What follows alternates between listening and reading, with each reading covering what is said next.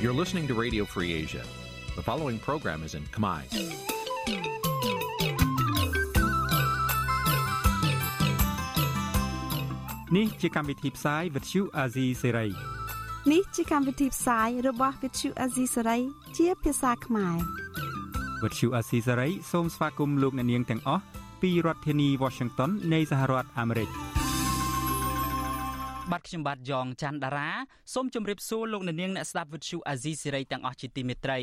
បាទខ្ញុំបាទសូមជូនកម្មវិធីផ្សាយសម្រាប់យប់ថ្ងៃប្រហ័ស5កើតខែមិញឆ្នាំខាលចត្វាស័កពុទ្ធសករាជ2566ត្រូវនឹងថ្ងៃទី26ខែមករាគ្រិស្តសករាជ2023បាទជាដំបូងនេះសូមអញ្ជើញអស់លោកអ្នកនាងស្ដាប់ព័ត៌មានប្រចាំថ្ងៃដែលមានមេត្តាដូចតទៅ thank you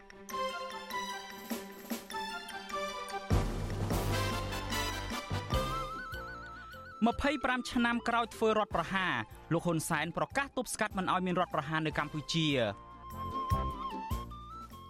មន្ត្រីគណៈបកភ្លើងទៀនថាអាញាធរខេត្តបៃលិនរើសអើងនិន្នាការនយោបាយរឿងលើកស្លាកគណៈបក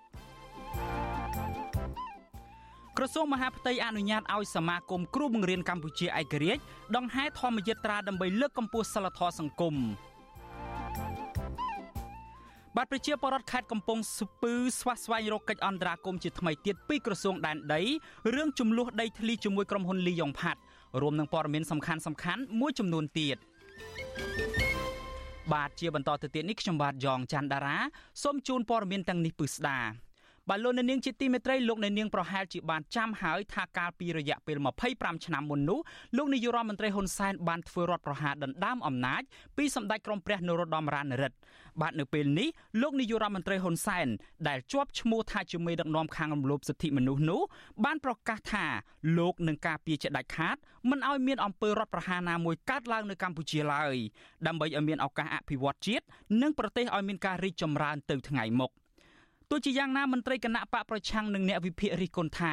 សាររបស់លោកហ៊ុនសែននៅពេលនេះគឺគ្រាន់តែជានយោបាយប្រជាពិធដើម្បីកេងចំណេញនយោបាយតែប៉ុណ្ណោះបាទលោកអ្នកនាងនឹងបានស្ដាប់ព័ត៌មាននេះពឹស្ដានៅពេលបន្តិចទៀតនេះ។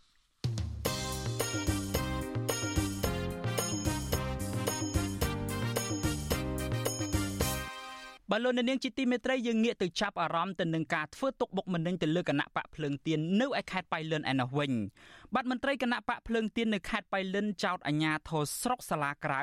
ថាអនុវត្តការងាររើសអើងនិន្នាការនយោបាយក្រោយពីអាជ្ញាធរខេត្តនេះបានបដិសេធមិនឲ្យគណៈបកភ្លើងទៀនដាក់ស្លាកនៅទីសាធារណៈនោះឡើយក្រុមហេតុផលថាគណៈបកប្រជាជនកម្ពុជាបានស្នើសុំមុន បាទមន្ត្រីអង្គការសង្គមស៊ីវិលយល់ថាអាញាធរគួរតែអនុវត្តការងារឲ្យមានសមភាព និងសម្របសម្រួលដល់គណៈបកនយោបាយនានាអាចដាក់ស្លាកគណៈបករបស់ខ្លួនបានដូចគ្នា បាទលោកទីនសាការីយ៉ារីកាពឹស្ដាអំពីរឿងនេះគណៈបកភ្លើងទៀនហួសចិត្តចំពោះអាញាធរឃុំសាលាក្រៅស្រុកសាលាក្រៅខេត្តបៃលិនបដិសេធសំណើពីររបស់គណៈបកនេះដែលសុំលើកស្លាកចំនួន4នៅទីតាំង4ផ្សេងគ្នា តាមគល់ស្ពានកំប្រងឃុំសាលាក្រៅ ប៉ុន្តែអាជ្ញាធរឃុំបដិសេធកាលពីថ្ងៃទី23មករាក្រោយមកគណៈបកភ្លើងទៀនបានដាក់ពាក្យស្នើសុំម្ដងទៀតប្រធានគណៈបកភ្លើងទៀនខេត្តប៉ៃលិនលោកខឹមមនីកុសលប្រាប់វិទ្យុអាស៊ីសេរីនៅថ្ងៃទី26មករាថាមុនពេលស្នើសុំអាជ្ញាធរលើកស្លាកលោកបានពិនិត្យមើលទីតាំងគុលស្ពានជាក់ស្ដែងកាលពីថ្ងៃទី19មករានឹងគ្មានស្លាកគណៈបកនយោបាយណាមួយដាក់នោះទេលោកបន្តថាលោកបានដាក់ពាក្យស្នើសុំអាជ្ញាធរឃុំសាលាក្រៅ នៅថ្ងៃទី23មករាប៉ុន្តែត្រូវបានអាជ្ញាធរបដិសេធមិនទទួលយកពាក្យលោកបន្តថាលោកបានស្នើសុំម្ដងទៀតនៅថ្ងៃទី24មករានឹងចុះពិនិត្យមើលដល់ទីតាំងជាក់ស្ដែងឃើញមានស្លាកគណៈបកប្រជាជនកម្ពុជា លើកនៅខាងស្ដាំដៃកុលស្ពាន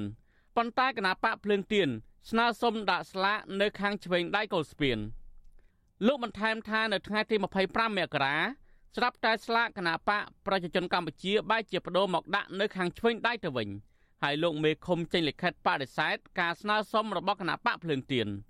លោកខឹមមនីកសលចាត់ទុកទាំងមើលរបស់អាជ្ញាធរថាជាការរើសអើងនិងរដ្ឋបတ်សិទ្ធិសេរីភាពខាងនយោបាយដោយបង្កការលំបាកមិនឲ្យគណៈបកនយោបាយគូប្រជែងជាមួយគណៈបកកណ្ដាលអំណាចធ្វើសកម្មភាពចូលរួមប្រកបប្រជែងនៅមុនការបោះឆ្នោតដោយសេរីនិងត្រឹមត្រូវនោះឡើយការបដិសេធរបស់លោកមេឃុំនៅពេលនេះ វាមិនបានឆ្លុះបញ្ចាំងឲ្យឃើញអំពីការគោរពច្បាប់ឬក៏សេចក្តីណែនាំរបស់ក្រសួងមហាផ្ទៃចំពោះការអនុវត្តសិទ្ធិនយោបាយរបស់គណៈបកនយោបាយឲ្យបានស្មើភាពដូចមានចែងនៅក្នុងច្បាប់នោះទេវិទ្យុអសិរ័យមិនអាចតតងមេឃុំសាលាក្រៅលោកយឿមភឿននិងអភិបាលស្រុកសាលាក្រៅលោកសៀសុខុមដើម្បីសុំការឆ្លើយតបជំវិញនឹងការលើកឡើងនេះបានទេនៅថ្ងៃទី26មករា ដោយទូរស័ព្ទគ្មានអ្នកទទួលប៉ុន្តែអ្នកនាំពាក្យសាលាខេត្តបៃលិនលោកកូសុំប៊ុនសឿតមានប្រសាសន៍ថា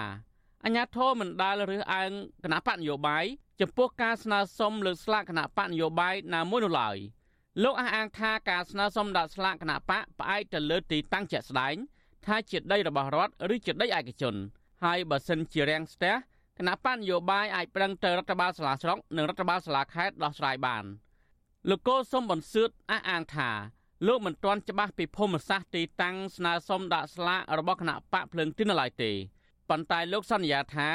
នឹងតាក់ទងទៅអាជ្ញាធរមូលដ្ឋានដើម្បីបញ្ជាក់ពីបញ្ហានេះបន្ថែម កន្លងមកយើងមិនអោយលើកវាមានជាការកម្រាមកំហែងទេព្រោះអាការលើកផ្លាកនោះវាមាននីតិវិធីរបស់គេអញ្ចឹងទេអាជ្ញាធរដែនដីជាទូទៅយើងគោរពណាស់តាមសិទ្ធិក៏ដូចជាការណែនាំរបស់ក្រសួងមហាផ្ទៃយើងធ្លាប់មានលិខិតអីណែនាំមកណាអញ្ចឹងទេអាទីវាតាកតងនឹងទីតាំងដែលគាត់ត្រូវលើកតែទីតាំងនោះវាសមស្របឬក៏វាស្របតាមនីតិវិធីផ្លូវច្បាប់អត់ពូអត់ដឹងតែចំណុចណាទៅយើងយើងមិនដឹងមូលហេតុអីណាមួយប៉ុន្តែពូឆ្លើយនេះជាឆ្លើយជាទូទៅទេ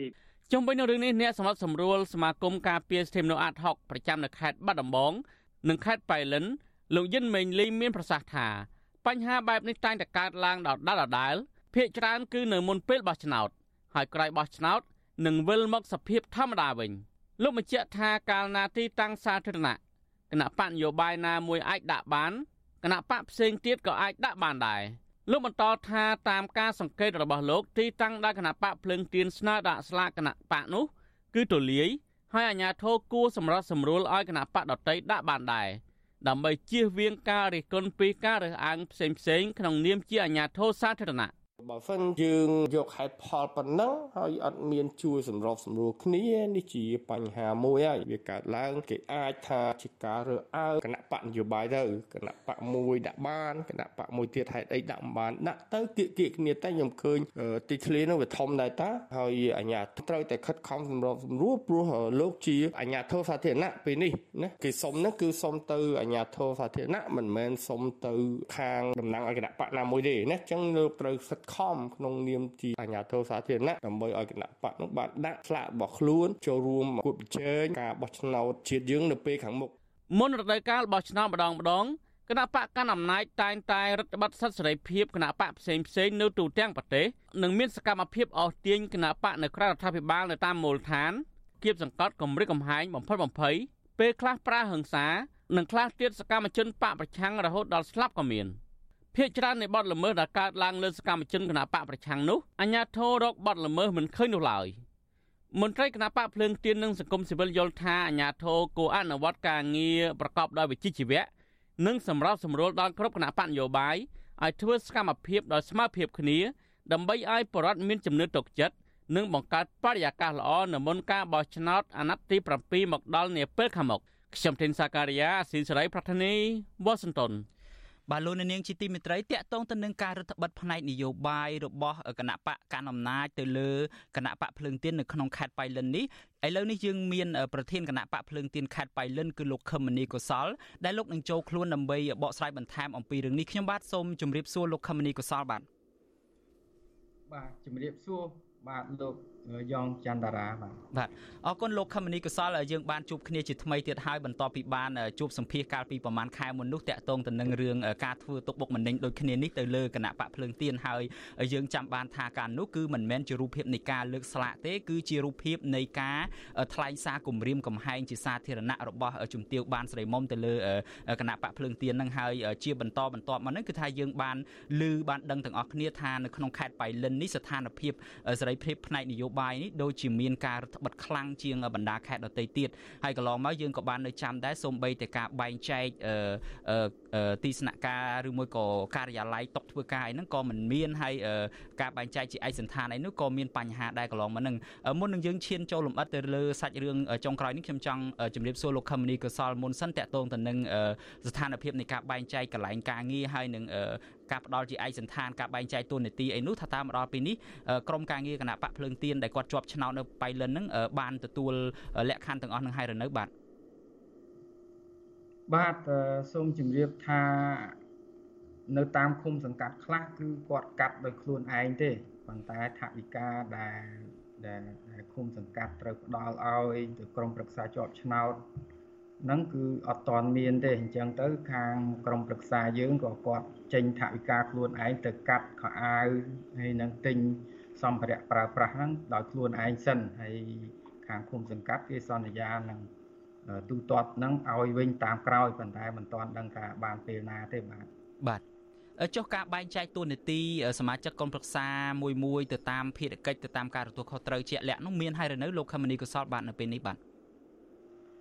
អឺ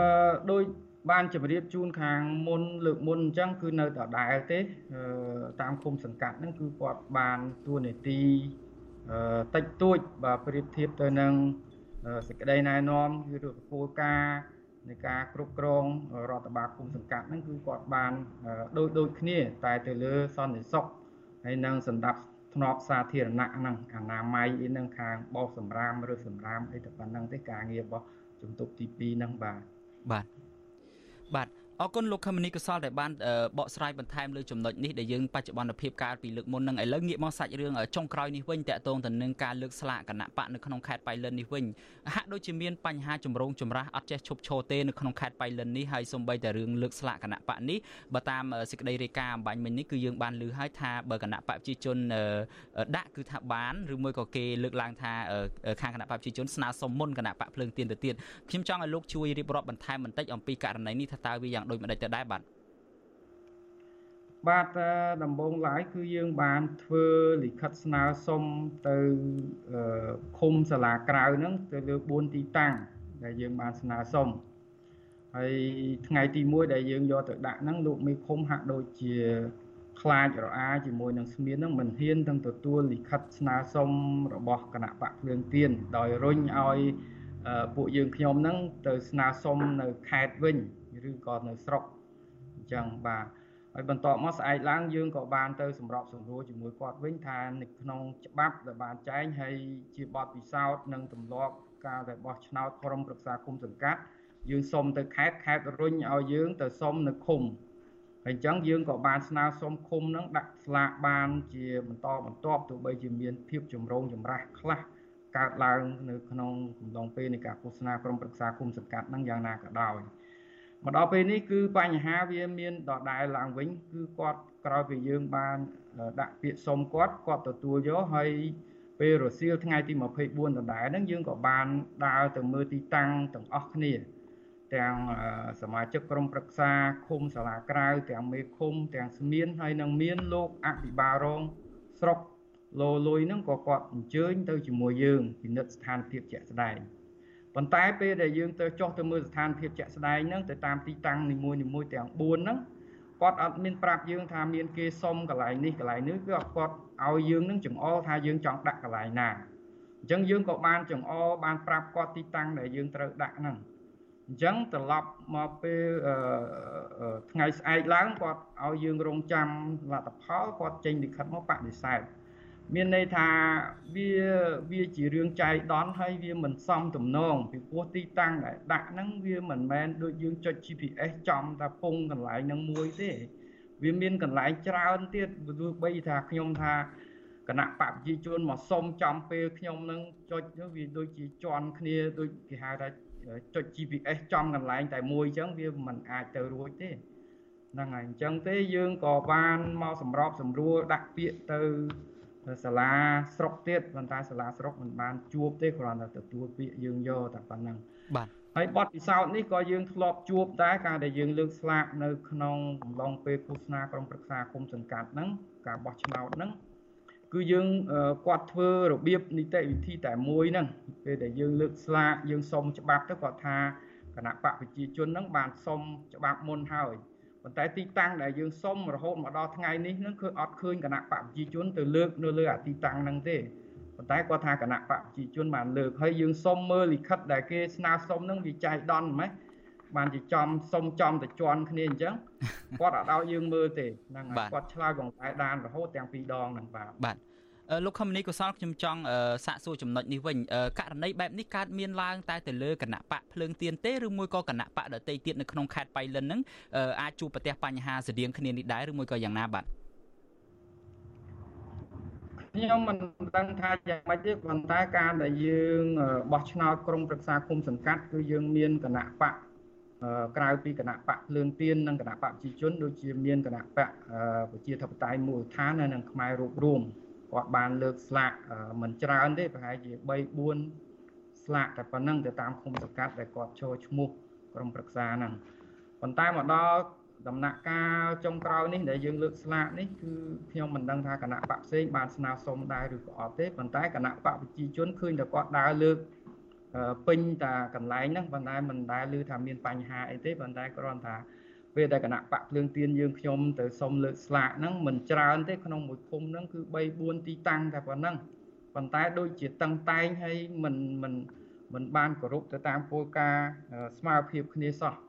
គេលើកបានហើយយើងលើកមិនបានហើយថែមទាំងជន់ទីតាំងគ្នាដូចចុច GPS អញ្ចឹងបាទគួរឲ្យឆ្ងល់បាទគួរឲ្យឆ្ងល់មែនតើ បាទលោកនីកសលចំណុចនេះមួយទៀត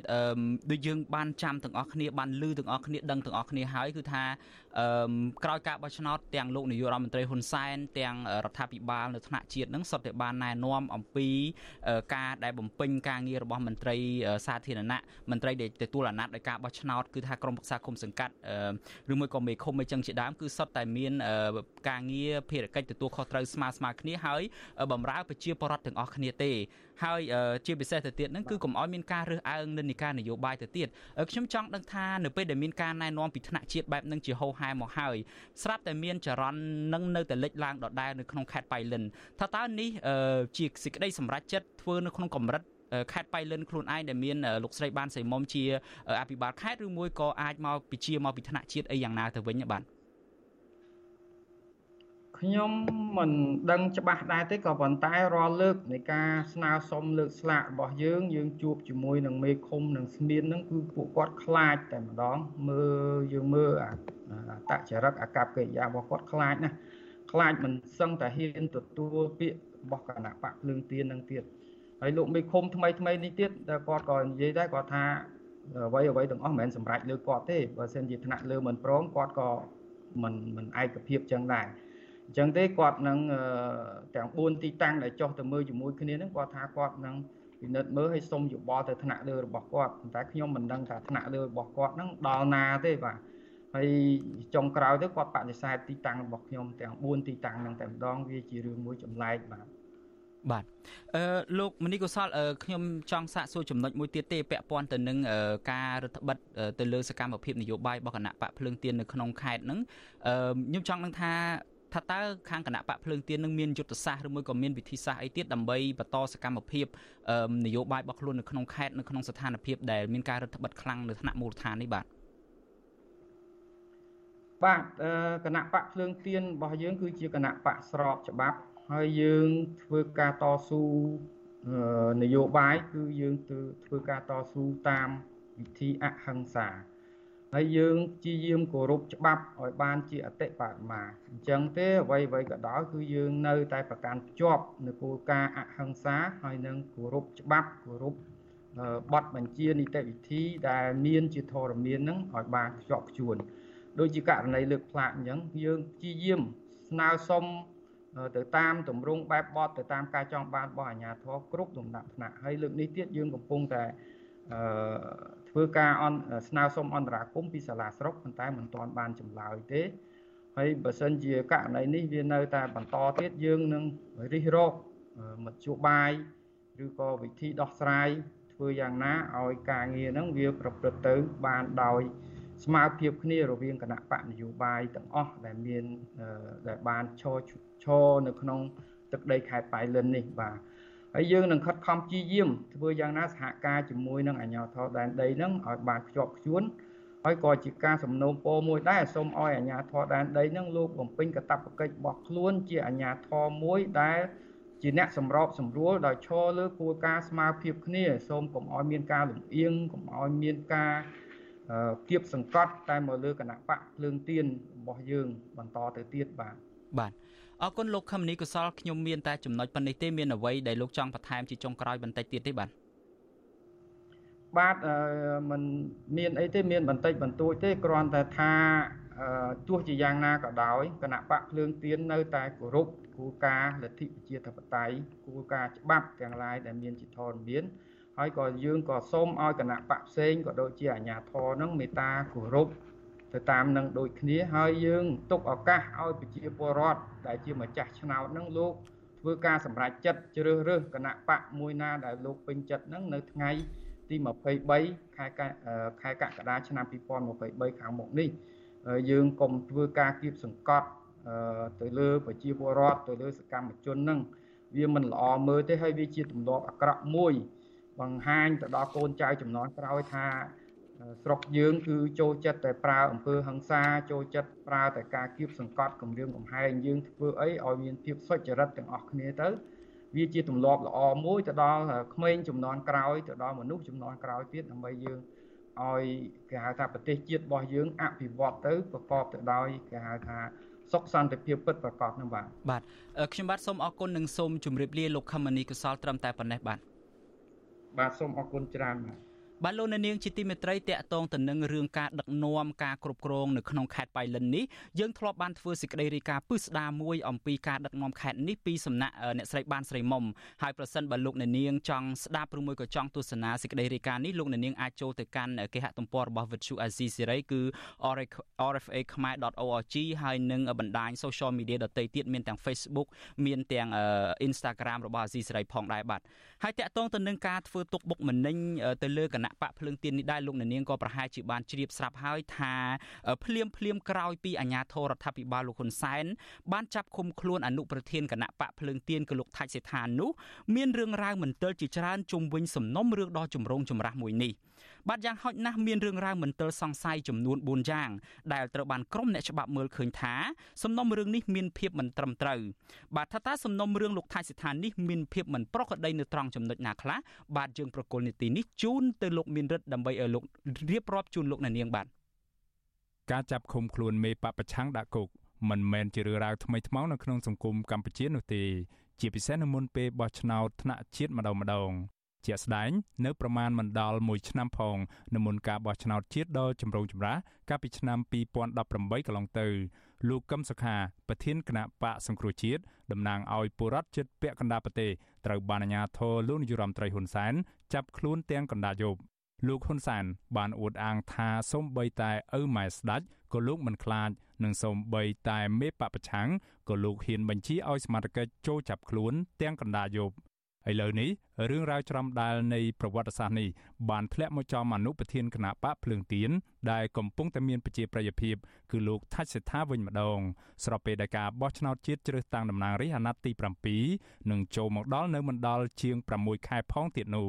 សំណុំរឿងឈានទៅចាប់ខ្លួនអនុប្រធានគណៈបកប្រជារូបនេះកើតមានឡើងក្រោយពីលោកហ៊ុនសែននិងគណៈបកប្រជាជនកម្ពុជារបស់លោក បានប្រកាសជាចំហដាក់ចេញនៅគោលនយោបាយថ្នាក់ជាតិតាមកំចាត់និងគោះរំលើងឬគល់នៃអ្វីមួយដែលលោកហៅថាជាមនោគមវិជ្ជាជ្រុលនិយមការចាប់ខ្លួននេះក៏កើតមានឡើងក្រោយពីលោកហ៊ុនសែននិងគណៈបកប្រជាជនកម្ពុជា ដាក់គោលដៅប្តឹងផ្ដាល់ដើម្បីរឹបអូសយកទ្រព្យសម្បត្តិស្របច្បាប់របស់មន្ត្រីជាន់ខ្ពស់គណៈបកភ្លឹងទៀនគឺអនុប្រធានគណៈបកភ្លឹងទៀនមួយរូបទៀតគឺលោកសុនឆៃនិងឧត្តមទីប្រឹក្សាគណៈបកនេះគឺលោកគង្គគំ ការចាប់ខ្លួនលោកថាច់ស្ថានីធ្វើឲ្យក្រុមអ្នកតាមដានស្ថានភាពសង្គមនិងនយោបាយកម្ពុជា ដាក់ជាចម្ងល់ថាតើបុគ្គលណាទៀតក្លាយជាគោលដៅបន្ទាប់នៅក្នុងជួរសមាជិកក្រុមប្រឹក្សាពិបាលរបស់គណៈបកភ្លឹងទៀនដែលអាចនឹងត្រូវរងគ្រោះបន្តនៅមុនការបោះឆ្នោតជាតិខែកក្កដាខាងមុខនេះ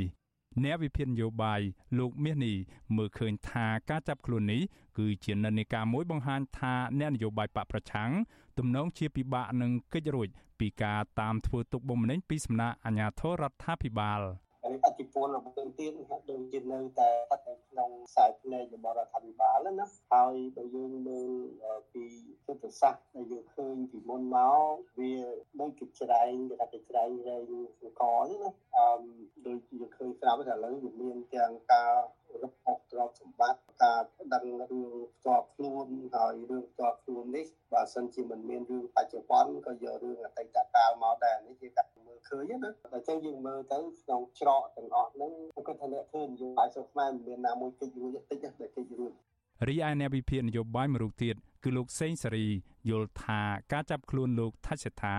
គឺជាយុទ្ធសាស្ត្រមួយរបស់គណៈបកកណ្ដាលអំណាចនៅក្នុងការបោសសម្អាតសង្វៀននយោបាយសម្រាប់អ្នកនយោបាយចំនួនថ្មីរបស់ខ្លួន លោកមើលឃើញថាការនេះក៏ជាមធ្យោបាយមួយក្នុងការរុញច្រានគណៈបកភ្លើងទៀនឲ្យធ្លាក់ចូលក្នុងវិបត្តិដោយមិនចាំបាច់ឈានទៅរំលាយគណៈបកនេះចោលដោយកាលដែលតុលាការកំពូលរំលាយគណៈបកសង្គ្រោះជាតិកាលពីចុងឆ្នាំ2017កន្លងទៅយើងមើលគោលដៅនៅក្នុងការចាត់ការទៅលើអ្នកនយោបាយដែលមាននិន្នាការប្រឆាំង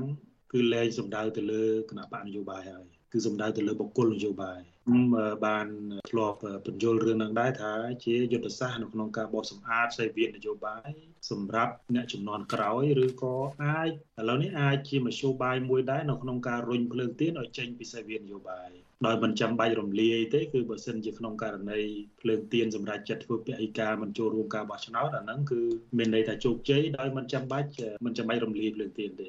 ក៏ប៉ុន្តែលោកសេងសេរីបញ្ជាក់ថាការបន្តបង្ក្រាបនិងចាប់ខ្លួនមន្ត្រីបពប្រឆាំងបែបនេះក៏ធ្វើឲ្យគណៈបពប្រឆាំងកាន់តែកើនប្រជាប្រិយភាព និងមានការគ្រប់គ្រងកាន់តែខ្លាំងពីមហាជនផងដែរ ចៅក្រមស៊ើបសួរនៃសាលាដំបងរាជធានីភ្នំពេញលោកទឹកដាលីនកាលពីថ្ងៃទី16ខែមករាបានចេញដីកាសម្រេចឲ្យឃុំខ្លួនលោកថាច់សេដ្ឋាជាបណ្ដោះអាសន្ននៅមណ្ឌលអប់រំកែប្រែទី1ឬគុកប្រៃសរពីបទមិនបំពេញកាតព្វកិច្ចចំពោះឧបករណ៍អាចជួញដូរបានឬចេញសាច់អត់លុយឬសាច់ស្អុយប្រព្រឹត្តនៅភ្នំពេញកាលពីអំឡុងឆ្នាំ2019 រីឯតំណាងអัยការអមសាលាដំបងរាជធានីភ្នំពេញអះអាងក្នុងសេចក្តីប្រកាសព័ត៌មានមួយ កាលពីថ្ងៃទី16ខែមករាថាលោកថាសិដ្ឋាបានខកខានមិនបានចូលខ្លួនបំភ្លឺតាមដីកាបង្គាប់ឲ្យចូលខ្លួនចំនួន2លើករបស់ចៅក្រមស៊ើបសួរគឺម្ដងកាលពីថ្ងៃទី28ខែកុម្ភៈឆ្នាំ2021និងម្ដងទៀតនៅថ្ងៃទី22ខែមិថុនាក្នុងឆ្នាំដដែលភ្លាមភ្លាមក្រោយពីការចាប់ឃុំខ្លួនលោកថាសិដ្ឋា មេធាវីលោកថាច់សថានិងអ្នកជំនាញផ្នែកច្បាប់បានលើកឡើងពីរឿងរ៉ាវមន្ទិលយ៉ាងហោចណាស់ចំនួន4យ៉ាងជុំវិញសំណុំរឿងនេះភាពមិនប្រក្រតីទាំងនេះមានដូចជាពេលវេលានៃការចាប់ខ្លួន ការដែលលោកថាច់សថាមិនដែលធ្លាប់បានទទួលដោយការបង្គាប់ឲ្យចូលខ្លួន ទាំងពីរលើកការដែលលោកថាច់សេដ្ឋាមិនបានសរសេរចុះកាលបរិច្ឆេទនិងចំនួនទឹកប្រាក់ជាក់លាក់នៅលើសែកនិងការលើកយកសំណុំរឿងលើអង្គហេតុតែមួយមកកាត់ក្តីពីរដង ជុំវិញភាពមិនប្រក្រតីទី1សហមេធាវីការពីក្តីឲ្យលោកថាច់សេដ្ឋាគឺលោកជួងជងីពន្យល់ប្រាប់វិសុយស៊ីស្រីនៅថ្ងៃទី17ខែមករាថាលោកក៏សម្គាល់ឃើញពីភាពមិនប្រក្រតីនៃការកំណត់យកពេលវេលានៃការចាប់ខ្លួនកូនក្តីរបស់លោក ខណៈការបោះឆ្នោតជាតិនឹងឈានមកដល់នៅក្នុងរយៈពេលដ៏ខ្លីខាងមុខនេះប្រសិនបើគាត់ពិតជាមានកំហុសឬក៏អីយ៉ាងម៉េចបានគួរតែរឿងហ្នឹងគឺស្រូតចាត់ការតាំង2019 2020មកម្លេះមិនមែនចាំមកដល់ឥឡូវហ្នឹងគឺចិត្តដល់បោះឆ្នោតបានចាត់ការខណៈដែលយុទ្ធនាការឃោសនាចិត្តមកដល់ព្រោះឥឡូវខែ1ហើយខែ7ហ្នឹងគឺបោះឆ្នោតអញ្ចឹងគឺគណៈបកទាំងគណៈបកកណ្ដាលអំណាចទាំងគណៈបកភ្លើងទៀនកំពុងតែដុតដៃដុតជើងដើម្បីពង្រឹងរចនាសម្ព័ន្ធរបស់ខ្លួននៅនៅតាមមូលដ្ឋានដើម្បីឈានទៅឈ្នះឆ្នោតនៅ2023ហ្នឹងបែកតាមការអះអាងនៅក្នុងសេចក្តីប្រកាសព័ត៌មានរបស់តំណាងអัยការអមសាលាដំបងក្រុងភ្នំពេញអាជ្ញាធររដ្ឋាភិបាលបានចំណាយពេលជាមួយឆ្នាំកន្លះក្រោយពីការចេញដីកាបង្គាប់ឲ្យចូលខ្លួនចុងក្រោយ កាលពីខែមិថុនាឆ្នាំ2021ដើម្បីឈានទៅចាប់ឃុំខ្លួនលោកថាច់សេដ្ឋាបើតាមលោកជួងជងីភាពមិនប្រក្រតីទី2 គឺលោកថាច់សេដ្ឋាមិនដែលធ្លាប់បានទទួលដោយការបង្គាប់ឲ្យចូលខ្លួនរបស់ចៅក្រមម្ដងណាឡើយអៃដាមថេសិតាក៏អាងថាអាស័យដ្ឋានចង្អុលនៅក្នុងដីកានាំខ្លួនហ្នឹងគឺអាស័យដ្ឋានដែលគាត់អត់នៅយូរហើយអញ្ចឹងសួរថាបើសិនជាតឡាការបញ្ជូនដីកាប្រកបគាត់ចូលខ្លួនតែអាស័យដ្ឋានដែលគាត់អត់រស់នៅថាតើឲ្យគាត់ទទួលបានយ៉ាងម៉េចមួយទៀតគាត់ថាអត់ដែលបានទទួលដីកាពីតឡាការតអសអញ្ចឹងបើគាត់អត់បានទទួលដីកាពីតឡាការតអសអាហ្នឹងគឺគឺឲ្យគាត់ចូលវាមិនបើគាត់អត់ដែលទទួល រីឯភាពមិនប្រក្រតីទី3នៅក្នុងសំណុំរឿងនេះគឺលោកថាច់សេថាមិនបានសរសេរចុះកាលបរិច្ឆេទនិងចំនួនទឹកប្រាក់ជាក់លាក់នៅលើសាច់ឬមូលប្រតិណប័ត្រសងប្រាក់នោះទេ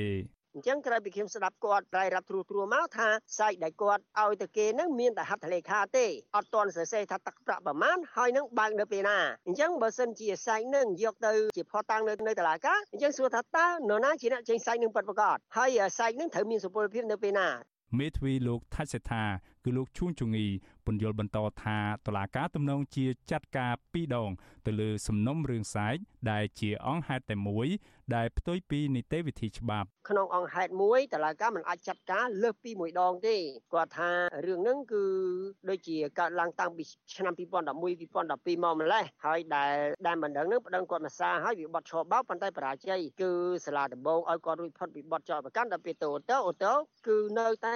មិនចោតប្រកាន់គាត់ដដែលគឺឲ្យគាត់រួចផុតពីបត់ចោតប្រកាន់នោះដដែលក្នុងន័យថាគាត់អត់មានកំហុសក្នុងបត់ឈរបោកទេបន្តមកទៀតគឺដែលមិនដឹងគាត់យកអាការនិស័យដដែលហ្នឹងមកប្តឹងគាត់ពីបត់មិនបំពេញការតាប់កិច្ចចំពោះឧបករណ៍ដែលអាចជួញដូរបានក្នុងន័យថាចោតប្រកាន់គាត់ពីរឿងសាច់អត់មានទឹកប្រាក់ហើយឥឡូវហ្នឹងគឺសំណុំរឿងហ្នឹងគឺតឡាការបើកការស៊ើបអង្កេតតាំងពីឆ្នាំ2019មកម្លេះបែបតាមសាធិការរបស់សាលាឧទ្ធរភ្នំពេញចុះថ្ងៃទី1ខែកក្កដាឆ្នាំ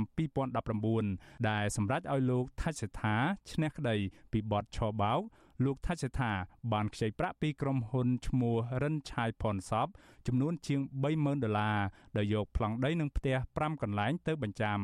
ប្លង់កម្មសិទ្ធិលើអចលនទ្រព្យទាំងនេះជារបស់សហគមន៍ខ្មែរកម្ពុជាក្រោមនិងមានការឯកភាពពីសហគមន៍ខ្មែរកម្ពុជាក្រោមឲ្យលោកយកទៅបញ្ចាំដើម្បីយកប្រាក់មកបម្រើការងារជាប្រយោជន៍របស់សហគមន៍ខ្មែរកម្ពុជាក្រោម អ្នកសិក្សាផ្នែកច្បាប់លោកវ៉នចាន់ឡូតយល់ថារដ្ឋាភិបាល កំពុងប្រើប្រាស់នីតិវិធីរបស់តុលាការជាឧបសគ្គមួយសម្រាប់អ្នកនយោបាយលេចធ្លោ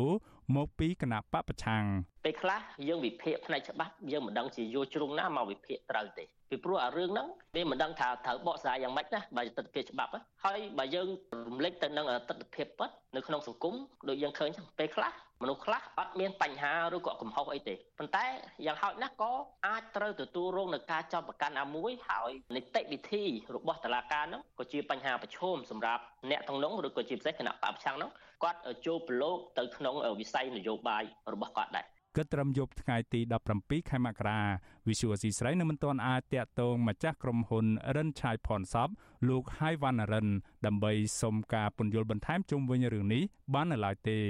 វិសុវស៊ីស្រីក៏មិនទាន់អាចតាក់ទងព្រាអាញារងនឹងជាអ្នកនាំពាក្យតំណាងអាយកាអមសាលាដំបងរាជធានីភ្នំពេញលោកប្លង់សុផល ដើម្បីសុំការពន្យល់ជុំវិញសំណុំរឿងរបស់លោកថាច់ស្ថានីបាននៅឡើយដែរ ភ្លាមភ្លាមក្រោយពីការចាប់ខ្លួនលោកថាច់សេដ្ឋាគណៈបកភ្លើងទៀនបានប្រកាសថាសំណុំរឿងនេះគឺជារឿងនយោបាយនិងជារូបភាពនៃការគំរាមកំហែងគណៈបកភ្លើងទៀនអំពាវនាវឲ្យដោះលែងលោកថាច់សេដ្ឋាដើម្បីធានាបរិយាកាសល្អប្រសើរសម្រាប់ការបោះឆ្នោតជាតិខាងមុខនេះកាលពីដើមខែឧសភាឆ្នាំ2022សភាអឺរ៉ុប ធ្លាប់បានប្រមានថានឹងដកហូតប្រព័ន្ធអនុគ្រោះពន្ធ EBA ទាំងស្រុងប្រសិនបើរកឃើញថាការបោះឆ្នោតនាពេលខាងមុខនេះគ្មានភាពសេរីនិងជំរុញឲ្យគណៈកម្មការអឺរ៉ុបតាមឃ្លាំមើលយ៉ាងយកចិត្តទុកដាក់ប្រសិនបើមានការឈានទៅរំលាយគណៈបកភ្លឹងទៀនដែលជាគណៈបកប្រឆាំងធំជាងគេនៅកម្ពុជាខ្ញុំបានមេរិត Visual C ស្រីពីរដ្ឋធានី Washington បាទលោកនាងជាទីមេត្រីតកតងទៅនឹងសេចក្តីរាយការណ៍របស់លោកមានរិទ្ធអំពីភាពមិនប្រក្រតីនៃការចាប់ខ្លួនលោកថៃសេដ្ឋាននេះយើងបានបង្ហោះព័ត៌មាននេះនៅលើបណ្ដាញសង្គមរបស់យើងនិងគេហទំព័ររបស់ Vuthu Azizi Siri គឺ rfa.org/ ខ្មែរប្រសិនបើលោកនាងចង់អានឬមួយក៏ចង់ទស្សនានៅសេចក្តីរាយការណ៍នេះជាថ្មីម្ដងទៀតលោកនាងអាចចូលទៅកាន់គេហទំព័ររបស់យើងនិងបណ្ដាញសង្គម Facebook របស់ Vuthu Azizi Siri បានដែរបាទសូមអរគុណបាទ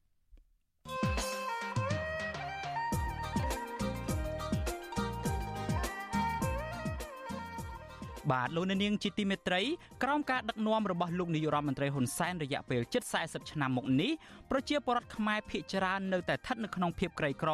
ហើយអ្នកខ្លះស្ទើរតែរកអង្គច្រកឆ្នាំងគ្មានលោកហ៊ុនសែនអះអាងថាប្រជាពលរដ្ឋនៅតែក្រីក្រឬក៏កម្ពុជាមិនអាចคล้ายទៅជាប្រទេសអ្នកមានបាននេះគឺដោយសារតែការធ្វើរដ្ឋប្រហារទម្លាក់សម្ដេចព្រះនរោត្តមសីហនុកាលពីជាង50ឆ្នាំមុន តាមមូលហេតុអ្វីបានជាលោកហ៊ុនសែននៅតែទម្លាក់កំហុសរឿងបរដ្ឋក្រីក្រនេះទៅលើរឿងរដ្ឋប្រហារទម្លាក់សម្ដេចនរោត្តមសីហនុដែលបានកើតឡើងតាំងពីជិតកន្លះសតវត្សទៅហើយនោះបាទសំលោកអ្នកនាងរងចាំស្ដាប់នីតិវេទិកាអ្នកស្ដាប់វិទ្យុអាស៊ីសេរីអំពីប្រធានបទនេះនៅយប់ស្អែក ហើយប្រសិនបើលោកអ្នកនាងចង់ចូលរួមបញ្ចេញមតិយោបល់ឬមួយក៏សាកសួរវាគ្មិនកិត្តិយសរបស់នេតិយើងលោកអ្នកនាងអាចដាក់លេខទូរស័ព្ទនៅក្នុងខ្ទង់ comment Facebook និង YouTube របស់ Vuthu Azizi Siri បាទក្រុមការងាររបស់យើងនឹងហៅទៅលោកអ្នកនាងវិញបាទសូមអរគុណ thank you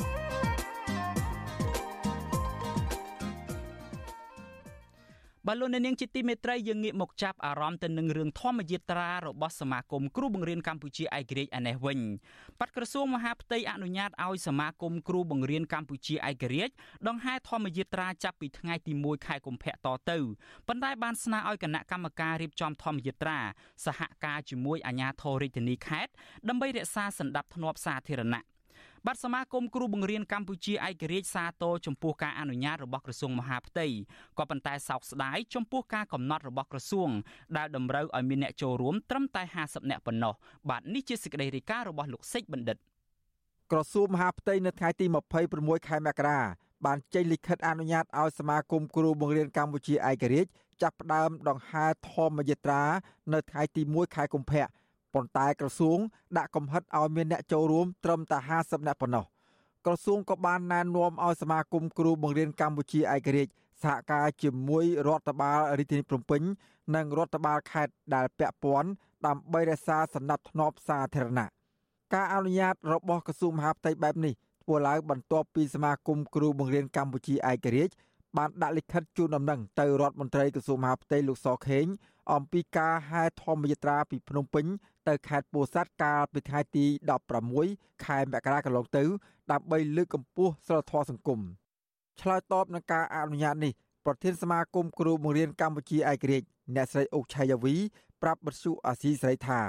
លោកស្រីរីករាយដែលក្រសួងមហាផ្ទៃបានអនុញ្ញាតឲ្យសមាគមដង្ហែធម្មយាត្រាទោះយ៉ាងណាអ្នកស្រីនៅតែមានការព្រួយបារម្ភចំពោះការរំខានពីក្រមអាជ្ញាធរព្រោះក្រសួងមហាផ្ទៃ បានដាក់កំហិតឲ្យមានអ្នកចូលរួមត្រឹមតែ50នាក់ខណៈមកទល់នឹងពីនេះមានអ្នកចង់ចូលរួមធម្មយាត្រារាប់រយនាក់ឯណោះ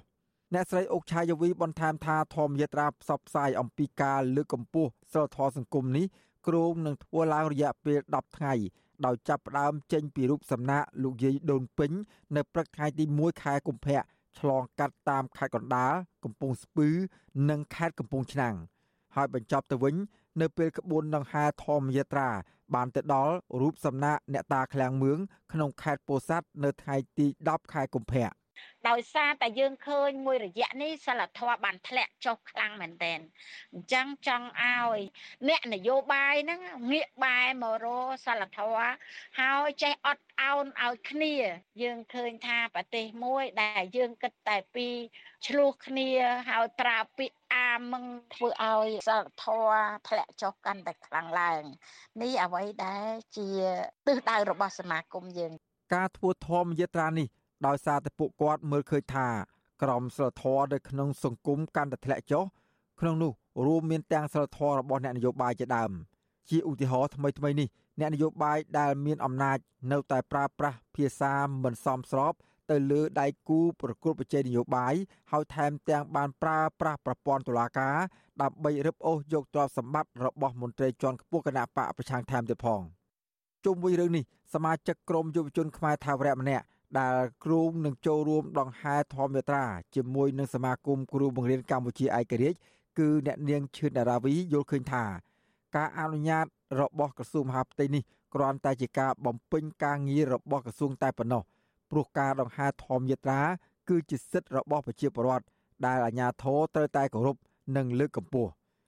អ្នកនាងបន្ថែមថាមូលហេតុដែលអ្នកនាងចង់ចូលរួមធម្មយាត្រានេះ ក៏ព្រោះតែអ្នកនាងចង់ផ្សព្វផ្សាយឲ្យអ្នកនយោបាយនិងថ្នាក់ដឹកនាំប្រទេសលើកកម្ពស់ក្រមសីលធម៌របស់ខ្លួនឡើងវិញដើម្បីជាគំរូទៅដល់ប្រជាពលរដ្ឋនិងផ្សះផ្សាជាតិជាមួយគ្នានេះដែរអ្នកនាងឈឿនដារាវីក៏សំណូមពរដល់ប្រជាពលរដ្ឋនៅតាមដងផ្លូវចូលរួមគាំទ្រដល់ក្បួនធម្មយាត្រានៅពេលក្បួនដង្ហែធ្វើដំណើរឆ្លងកាត់តាមផ្ទះរបស់ពួកគាត់ផងដែរ សំណូមពរសូមឲ្យជាបរដ្ឋយើងតាមដងផ្លូវបើសិនជាឃើញក្បួនធម្មយាត្រាពួកយើងទៅដល់ទីណាសូមទទួលស្វាគមន៍ដោយស្នាមញញឹមហើយនឹងយល់ពីអ្វីដែលពួកយើងធ្វើនេះហើយសូមផ្ដល់ជាទឹកអីតាមផ្លូវនឹងក៏ជាទឹកចិត្តរបស់យើង ដែលខ្មែរដូចគ្នាហើយយើងឆ្លាញ់គ្នាទៅដល់ទីណាក៏ដោយហើយក៏សង្ឃឹមថាអាជ្ញាធរនៅតាមមូលដ្ឋាននឹងជួយធ្វើចរាចរណ៍ជាដើមដល់ពួកយើងដើម្បីធានានៅសុវត្ថិភាព ទោះបីជាមានការដាក់កំហិតឲ្យមានអ្នកចូលរួមត្រឹមតែ50នាក់ក្តីក៏សមាគមគ្រូបង្រៀនកម្ពុជាឯករាជ្យអះអាងថាធម្មយាត្រាអាចនឹងលើសពីចំនួននេះប៉ុន្តែគណៈកម្មការរៀបចំនឹងរៀបចំឲ្យធម្មយាត្រាប្រព្រឹត្តទៅដោយរលូននិងមិនប៉ះពាល់ដល់សណ្ដាប់ធ្នាប់សាធារណៈឡើយតាមរយៈការដង្ហែធម្មយាត្រានេះសមាគមគ្រូបង្រៀនកម្ពុជាឯករាជ្យនៅតែទទូចឲ្យអ្នកនយោបាយលើកកម្ពស់ក្រមសីលធម៌របស់ខ្លួនឡើងវិញ ដើម្បីផ្ដល់គុណតម្លៃនៅក្នុងការបំពេញតួនាទីរបស់ខ្លួន និងបង្កើតសាមគ្គីភាពជាតិខ្ញុំបាទសេកបណ្ឌិតវុទ្ធុអាស៊ីសេរីពីរដ្ឋធានីវ៉ាស៊ីនតោន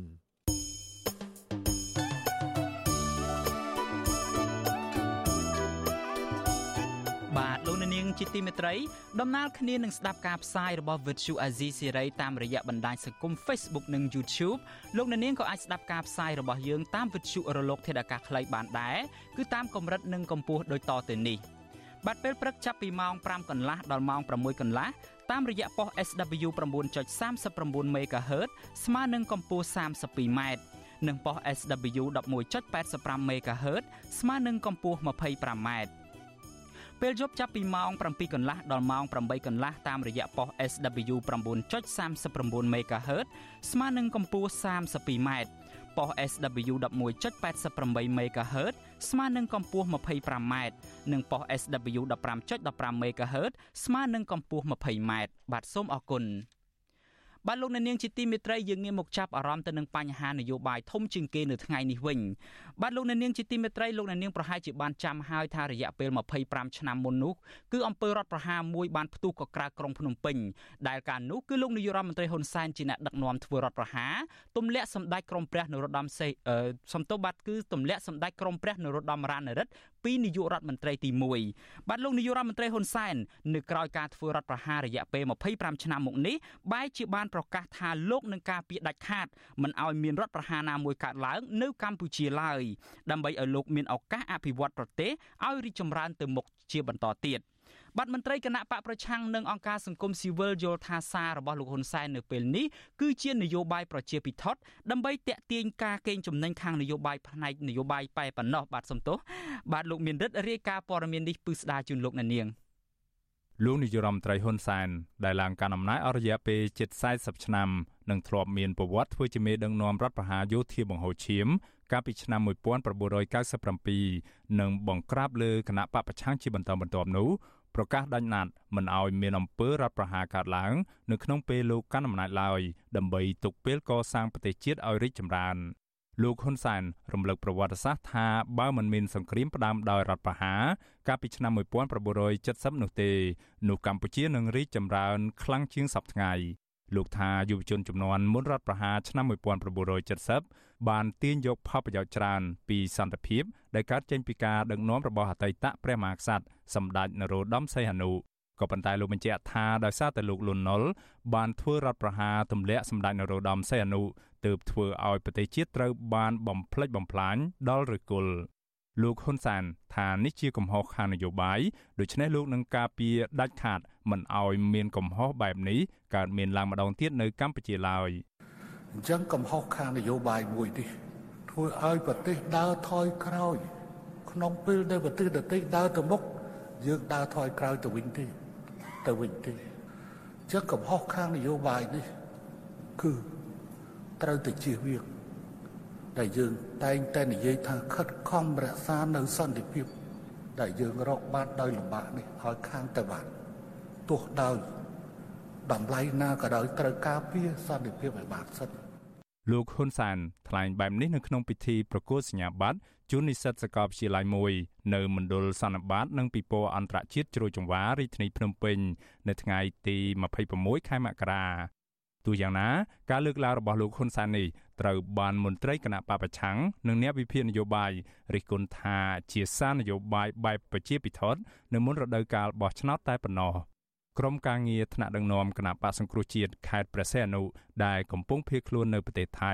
លោកមេងសធិរា ប្រាប់វិសុយស៊ីស្រីថាលោកហ៊ុនសែន គ្មានបំណងដឹកនាំប្រទេសឲ្យប្រជាពលរដ្ឋរស់នៅមានសេចក្តីសុខនោះទេពីព្រោះលោកបានបំផ្លាញប្រជាធិបតេយ្យតាមរយៈការរំលាយគណៈបកសង្គ្រោះជាតិដែលមានប្រជាពលរដ្ឋគ្រប់គ្រងប្រដំប្រសងជាមួយគណៈបកកណ្ដាលអំណាចកាលពីឆ្នាំ2017លោកថាការដែលលោកហ៊ុនសែនធ្វើបែបនេះគឺដើម្បីរក្សាអំណាចរបស់ខ្លួនបន្តទៅមុខទៀត អញ្ចឹងគាត់ពីដើមឡើយគាត់បោកដោយសារគាត់អត់មានសម្លេងឃោសនាស័ព្ទដើម្បីផ្សព្វផ្សាយដូចជាទូរទស្សន៍វិទ្យុទូរទស្សន៍អីមានតិចអញ្ចឹងគាត់គ្រប់គ្រងអានឹងបានដោយសារវាមានប្រព័ន្ធ Facebook ទៅ YouTube ទៅហើយនឹងជាពិសេសគឺអាស៊ីសេរីទៅបានផ្សព្វផ្សាយអំពីចំណុចអវិជ្ជមានហើយ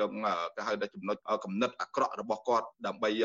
ធ្វើឲ្យជាតិបាក់បែកខ្ទេចខ្ទីអស់ហ្នឹងហើយដែលបានបង្ហាញឲ្យលោកហ៊ុនសែនឃើញនៅទង្វើអាក្រក់របស់គាត់ហើយបានគាត់អស់ប្រជាប្រិយភាពបានគាត់ប្រើរូបភាពគម្រាមកំហែងដើម្បីប្លន់យកអំណាចរបស់គេនឹងបាទអ្វីដែលលោកហ៊ុនសែនលើកឡើងនៅពេលនេះហាក់ផ្ទុយឆ្លាស់ទៅនឹងសកម្មភាពរបស់លោកកាលពីពេលកន្លងមកអំឡុងពេលលោកហ៊ុនសែនឡើងកាន់អំណាចអស់រយៈពេលប្រមាណ40ឆ្នាំមកនេះលោកបានធ្វើសកម្មភាពជាច្រើនដែលក្រុមអ្នកខ្លាំមើលចាត់ទុកថាជាការធ្វើធម្មនុញ្ញប្រហារនិងមិនទទួលស្គាល់កិច្ចព្រមព្រៀងសន្តិភាពក្រុងប៉ារីថ្ងៃទី23តុលាឆ្នាំ1991 ព្រមទាំងមិនទទួលស្គាល់លទ្ធផលបោះឆ្នោតដែលរៀបចំឡើងដោយអង្គការសហប្រជាជាតិកាលពីឆ្នាំ1993ជាងនេះទៀតលោកហ៊ុនសានបានដឹកនាំធ្វើរដ្ឋប្រហារបង្ហូរឈាមទម្លាក់សម្ដេចក្រមព្រះនរោត្តមរណរដ្ឋពីតំណែងនាយករដ្ឋមន្ត្រីទី1កាលពីឆ្នាំ1997 ចុងក្រោយនេះតឡាការក្រមការដឹកនាំរបស់លោកបានរំលាយគណៈបពប្រឆាំងដ៏ធំជាងគេនៅកម្ពុជាចោលកាលពីឆ្នាំ2017ពលគឺនៅមិនដល់មួយឆ្នាំផងនៅមុនការបោះឆ្នោតជាតិជ្រើសតាំងតំណាងរាស្ត្រឆ្នាំ2018ដែលមជ្ឈដ្ឋានទូទៅមើលឃើញថាដោយសារតែលោកហ៊ុនសែនខ្លាចចាញ់ឆ្នោតតាមបែបប្រជាធិបតេយ្យលើសពីនេះទៀតអ្នកខ្លំមើលចាត់ទុកថាការប្រកាសរបស់លោកហ៊ុនសែនប្រឆាំងនឹងរដ្ឋប្រហារនៅពេលនេះ គ្រាន់តែជាលេសដើម្បីបង្ក្រាបនឹងគំតិចក្រុមអ្នកប្រជាធិបតេយ្យព្រមទាំងជាការប្រមានផ្ទៃក្នុងរបស់បកកណ្ដាលអំណាចតែប៉ុណ្ណោះជុំវិញរឿងនេះអ្នកវិភាគនយោបាយលោកកឹមសុខមើលឃើញថាសកម្មភាពរបស់លោកហ៊ុនសែនទាំងអស់នោះគឺជាការធ្វើរដ្ឋប្រហារដើម្បីបានក្តោបក្តាប់អំណាចបន្តទៅមុខទៀតលោកបានថែមថាការដែលលោកហ៊ុនសែនលើកឡើងនៅពេលនេះគឺដើម្បីបិទបាំងសកម្មភាពរដ្ឋប្រហាររបស់លោកកាលពីពេលកន្លងមក និងទំនងដោយសារតែលោកហ៊ុនសែន ព្រួយបារម្ភពីការផ្ទេរអំណាចរបស់លោកទៅឲ្យកូនប្រុសច្បងរបស់លោក គឺលោកហ៊ុនម៉ាណែតដែលបង្កើតជាកំហឹងធំធេងនៅក្នុងផ្ទៃក្នុងគណៈបកប្រជាជនកម្ពុជាហើយរឿងទាំងអស់ហ្នឹងហើយដែលបង្កើតទៅជាវិបត្តិក្នុងសង្គមយើង វិបត្តិដែលមានអរិភាព នៃចំនួនក្នុងសង្គមដ៏ធំផងកើតឡើងនៅរឿងអយុត្តិធម៌ពេញប្រទេសកម្ពុជា ហើយវិបត្តិធំបំផុត គឺអរិភាពការទូតជាមួយនឹងបណ្ដាប្រទេសសេរីប្រជាធិបតេយ្យដែលគេបិទជំនួយជំនួយមនុស្សធម៌ជំនួយសេដ្ឋកិច្ចពាណិជ្ជកម្មដោយដែលយើងឃើញក្នុងពេលបច្ចុប្បន្នហើយប្រជាពលរដ្ឋកាន់តែច្រើនហើយយ៉ាងតិចជាង2លានអ្នកចំណាក់ស្រុកពីព្រោះតែ ស្ថានភាពអត់មានការអភិវឌ្ឍអ្នកវិភាគរូបនេះបន្តថា ដើម្បីប្រទេសមានប្រជាធិបតេយ្យនិងការអភិវឌ្ឍរីកចម្រើនពិតប្រាកដដែលប្រជាពលរដ្ឋរស់នៅមានសេចក្តីសុខមានតែរដ្ឋាភិបាលត្រូវបង្កើតឲ្យមាននឹងការប្រកួតប្រជែងការបោះឆ្នោតប្រកបដោយភាពសេរីត្រឹមត្រូវនិងយុត្តិធម៌ដែលអាចទទួលយកបានពីគ្រប់ភាគីគណៈបកនយោបាយពលគឺអ្នកចាញ់ចាញ់ដោយអស់ចិត្តនិងអ្នកឈ្នះឈ្នះដោយយុត្តិធម៌លើពីនេះទៀតសហគមន៍ជាតិនិងអន្តរជាតិ ចាត់ទុកថាទង្វើរបស់លោកហ៊ុនសែនដែលបំផ្លាញប្រជាធិបតេយ្យតាមរយៈការរំលាយគណៈបកសង្គ្រោះជាតិកាលពីពេលកន្លងមកបានធ្វើឲ្យប្រទេសកម្ពុជាដើរថយក្រោយដោយសារតែការដាក់សម្ពាធនិងទណ្ឌកម្មសេដ្ឋកិច្ចពីក្រមប្រទេសប្រជាធិបតេយ្យធំធំខ្ញុំបាទមេរិត Visual Asia ស្រីពីរដ្ឋធានី Washington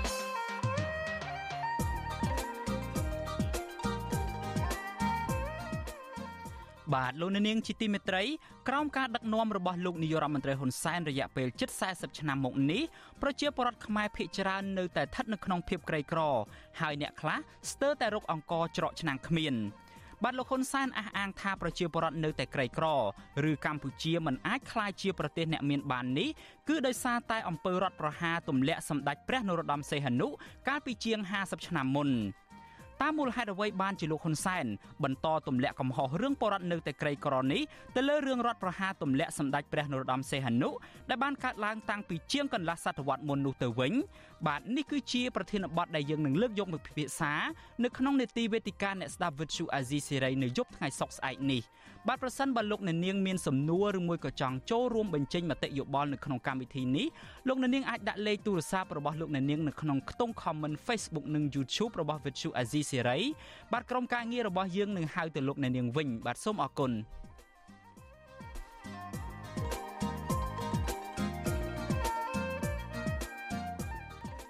បាទលោកអ្នកនាងជាទីមេត្រីពាក់ព័ន្ធទៅនឹងចំនួនដីធ្លីឯនេះវិញ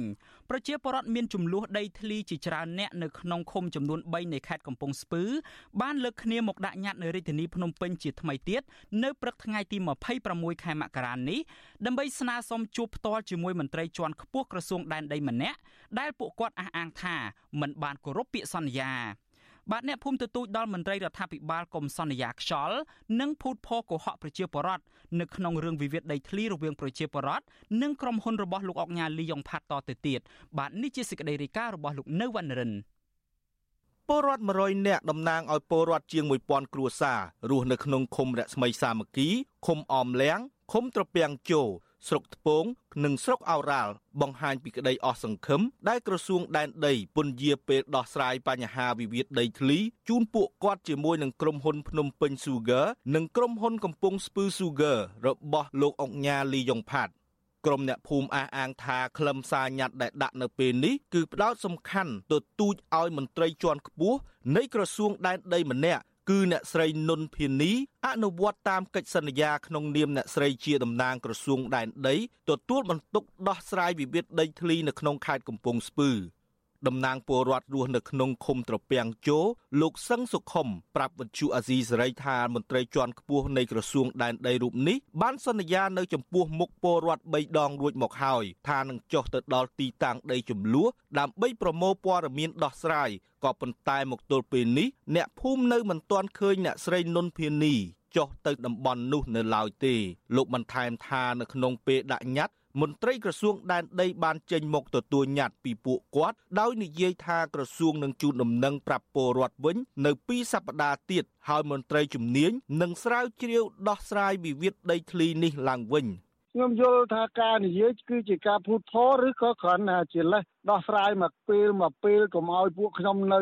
នៅនឹងក្រសួងនឹងឲ្យត្រឡប់ទៅផ្ទះវិញទេថ្ងៃនេះថ្ងៃនោះថ្ងៃនេះថ្ងៃនោះរហូត10ឆ្នាំជាងហើយ បុរសវ័យ54ឆ្នាំរូបនេះបន្ថែមថាពេលនេះដីស្រែគេឪពុកម្ដាយរបស់អ្នកភូមិជាង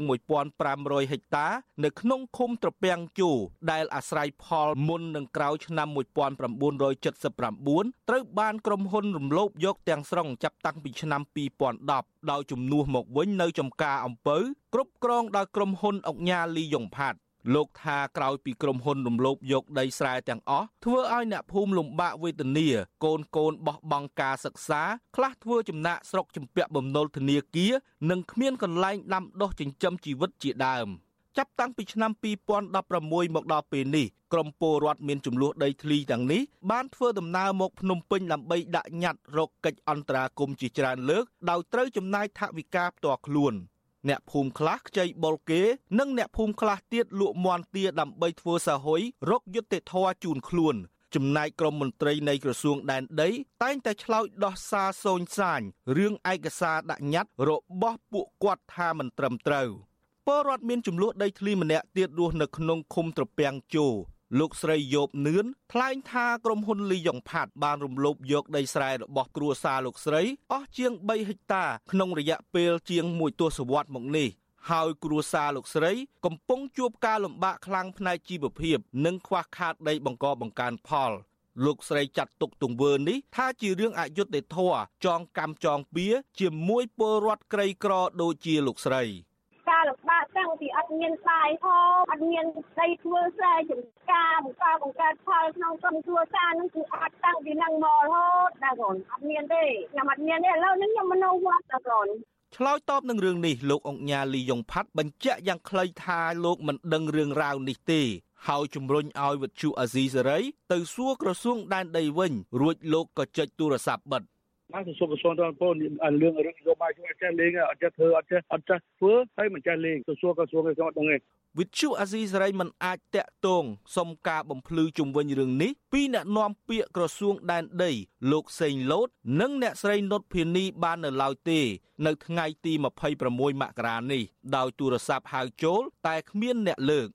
ក្រុមហ៊ុនភ្នំពេញ Sugar និងក្រុមហ៊ុនកំពង់ស្ពឺ Sugar របស់លោកអង្ញាលីយ៉ុងផាត់បានទទួលសិទ្ធិវិនិយោគពីរដ្ឋាភិបាល លើផ្ទៃដី20000ហិកតា ដើម្បីដាំអំពៅ និងកសាងរោងចក្រផលិតស្ករចាប់តាំងពីឆ្នាំ2010ស្ថិតនៅក្នុងស្រុកថ្ពង និងស្រុកឱរ៉ាល់ខេត្តកំពង់ស្ពឺ ក្នុងកិច្ចសន្យាដែលចុះហត្ថលេខាដោយរដ្ឋលេខាធិការនៃទីស្តីការគណៈរដ្ឋមន្ត្រីលោកប៊ុនអ៊ុយបានកំណត់លក្ខខណ្ឌឲ្យក្រុមហ៊ុននេះត្រូវធានាឲ្យប្រជាពលរដ្ឋក្នុងតំបន់វិនិយោគទទួលបានផលប្រយោជន៍ពីគម្រោងវិនិយោគនេះនិងដាក់លក្ខខណ្ឌឲ្យក្រុមហ៊ុនបង្អាក់គម្រោងនេះនៅទីតាំងណាដែលមានទំនាស់ដីធ្លីជាមួយប្រជាពលរដ្ឋរហូតមានដំណោះស្រាយឲ្យបានត្រឹមត្រូវ។ លិខិតដដាលបានបន្ថែមថាបន្ទាប់ពីទទួលបានសិទ្ធិវិនិយោគក្រុមហ៊ុនត្រូវសហការជាមួយក្រសួងសម័យនិងអាជ្ញាធរពិនិត្យការកាត់ជ្រៀលដីធ្លីដែលពាក់ព័ន្ធជាមួយពលរដ្ឋហើយព្រៃក្រាស់ត្រូវរក្សាទុកជៀសវាងប៉ះពាល់ផ្ទៃដីដែលប្រជាជនប្រើប្រាស់ក៏ប៉ុន្តែអ្នកភូមិអះអាងថាក្រុមហ៊ុននិងអាជ្ញាធរមិនបានអនុវត្តដោយកិច្ចសន្យាជាមួយនឹងរដ្ឋាភិបាលនេះទេ ជុំវិញរឿងនេះដែរអ្នកសម្របសម្រួលគម្រោងធុរកិច្ចនិងសិទ្ធិមនុស្សនៃមជ្ឈមណ្ឌលសិទ្ធិមនុស្សកម្ពុជាលោកវ៉ាន់សុផាតផ្ដល់ទស្សនៈថាក្រសួងដែនដីត្រូវទទួលខុសត្រូវក្នុងរឿងនេះដោយត្រូវអនុវត្តតាមពាក្យសន្យាជាមួយពលរដ្ឋលោកថារដ្ឋាភិបាល គួរតែដោះស្រាយវិវាទដីធ្លីរ៉ាំរ៉ៃនេះឲ្យជ្រះស្រឡះដើម្បីសម្រាលការលំបាករបស់ពលរដ្ឋជាយូរឆ្នាំមកនេះ។ បើមិនច្បាស់លាស់ទេមានន័យថាយើងសន្យាយកដោះដោះសារឲ្យរួចតែមួយពេលមួយពេលអញ្ចឹងហើយនេះជាទម្លាប់អាក្រក់មួយដែលធ្វើឲ្យជាពលរដ្ឋហ្នឹងបាត់បង់ទំនុកចិត្តត្រឹមថ្នាក់ជំទាវប្រហែលហ្នឹងរហូតដល់ថ្នាក់ក្រសួងក៏ដោះស្រាយបានដែរទៅថ្នាក់កម្ពុជាបានអាចសម្រេចកិច្ចការហ្នឹងបានណាអ្នកភូមិថាមុនពេលមិនទាន់មានវត្តមានក្រុមហ៊ុនទាំងនេះនៅក្នុងតំបន់នោះសម្បូរដោយព្រៃស្រោង និងសត្វព្រៃជាច្រើនរស់នៅ ដោយមានដើមឈើធំៗជាច្រើន ក៏ប៉ុន្តែពេលនេះផ្ទៃដីយ៉ាងនោះត្រូវជំនួសដោយចំការអំពៅគ្រប់គ្រងដោយក្រុមហ៊ុនរបស់លោកអង្ញាលីយ៉ុងផាត់20000ហិកតាដ៏ធំល្វឹងល្វើយរីឯបឹងបួរនិងទឹកអូរធម្មជាតិជាច្រើនកន្លែងដែលធ្លាប់តែសម្បូរត្រីនិងជីវៈចម្រុះផងនោះប្រែជាល្អក់និងខ្សត់ត្រីមិនអាចប្រើប្រាស់បាន ដោយសារក្រុមហ៊ុនបង្ហូរសារធាតុគីមីចូល ហើយវាលស្មៅដែលធ្លាប់ខ្វៀលគោក្របីរបស់អ្នកភូមិក៏ត្រូវបានបាត់បង់អស់ផងដែរ ខ្ញុំបាទនៅវណ្ណរិន With Chu Azizi Saray ពីរដ្ឋធានី Washington បាទលោកអ្នកនាងជាទីមេត្រីព័ត៌មានចុងក្រោយដែលចូលមកបិទទំព័រការផ្សាយរបស់យើងនៅយប់នេះគឺពាក់ព័ន្ធទៅនឹងជំហររបស់កម្ពុជានៅក្នុងវិបត្តិនៅប្រទេសអ៊ុយក្រែនបាទលោកនាយករដ្ឋមន្ត្រីហ៊ុនសែនបានប្រកាសថាកម្ពុជាមិនបានបញ្ជូនកងទ័ពឬមួយក៏ផ្ដល់ជំនួយយោធាព្រមទាំងមិនបានបញ្ជូនមន្ត្រីជំនាញដោះមីនទៅប្រទេសអ៊ុយក្រែនដោយការចោទប្រកាន់នោះឡើយ។ បាទការប្រកាសបដិសេធរបស់លោកហ៊ុនសែននេះធ្វើឡើងនៅក្នុងពិធីចែកសញ្ញាបត្រដល់និស្សិតនៅរាជធានីភ្នំពេញនៅព្រឹកថ្ងៃទី26ខែមករានេះបាទលោកហ៊ុនសែនបានបញ្ជាក់ថាការជួយបណ្ដុះបណ្ដាលអំពីវិធីដោះមីនដល់មន្ត្រីអ៊ុយក្រែនដែលមកប្រទេសកម្ពុជានោះគឺជាកិច្ចការមនុស្សធម៌ ដែលស្រដៀងគ្នាទៅនឹងករណីកម្ពុជា ចូលរួមក្នុងបេសកកម្មថែរក្សាសន្តិភាពនៅក្រោមឆ័ន្ទអង្គការសហប្រជាជាតិនៅប្រទេសចំនួន4រួមមានប្រទេសម៉ាលីប្រទេសស៊ូដង់ខាងត្បូងប្រទេសលីបង់និងសាធារណរដ្ឋអាហ្វ្រិកកណ្ដាលយ៉ាងនោះដែរលោកបន្តថាប្រទេសណាដែលចង់មករៀនជំនាញដោះមីននៅកម្ពុជារាប់ទាំងប្រទេសរុស្ស៊ីជាដើមនោះកម្ពុជាស្វាគមន៍ជានិច្ច បាត់ថ្មីថ្មីនេះមជ្ឈមណ្ឌលសកម្មភាពកម្ចាត់មីនកម្ពុជាហៅកាត់ថាស៊ីម៉ាក់ទើបតែបានផ្ដល់វគ្គវឹកវើបច្ចេកវិទ្យាឧបករណ៍ដោះបោសសម្អាតមីនទៅដល់មន្ត្រីជំនាញដោះមីនអ៊ុយក្រែនចំនួន15នាក់នៅក្នុងប្រទេសកម្ពុជាបាទវគ្គបណ្ដុះបណ្ដាលនេះបានបិទបញ្ចប់ហើយកាលពីថ្ងៃទី20ខែមករា បាទទោះបីជាវគ្គបណ្ដុះបណ្ដាលមួយនេះបានបញ្ចប់ទៅហើយក៏ដោយក៏ក្រុមអ្នកជំនាញដោះមីនកម្ពុជា បន្តជួបពិភាក្សាតាមប្រព័ន្ធវីដេអូនិងបញ្ជូនក្រុមអ្នកដោះមីនជំនាញមួយចំនួនដើម្បីធ្វើដំណើរទៅប្រទេសប៉ូឡូញនៅខែមេសាខាងមុខនេះសម្រាប់ការវឹកវើបន្ថែមទៀតដល់ក្រុមអ្នកដោះមីនអ៊ុយក្រែនបាទលោកនាងជាទីមេត្រីការផ្សាយរយៈពេល1ម៉ោងរបស់ Vuthu Azizi សេរីនៅយប់នេះចប់ត្រឹមតែប៉ុណ្ណេះ យើងខ្ញុំសូមជូនពរដល់លោកអ្នកនាងព្រមទាំងក្រុមគ្រួសារទាំងអស់ឲ្យជួបប្រកបតែនឹងសេចក្តីសុខចម្រើនរុងរឿងកំបីគ្លៀងគ្លាតឡើយបាទនៅពេលនេះខ្ញុំបាទយ៉ងច័ន្ទដារាព្រមទាំងក្រុមការងារទាំងអស់នៃ Vuthu Azizi សេរីសូមអរគុណនិងសូមជម្រាបលាបាទរីត្រីសួស្តី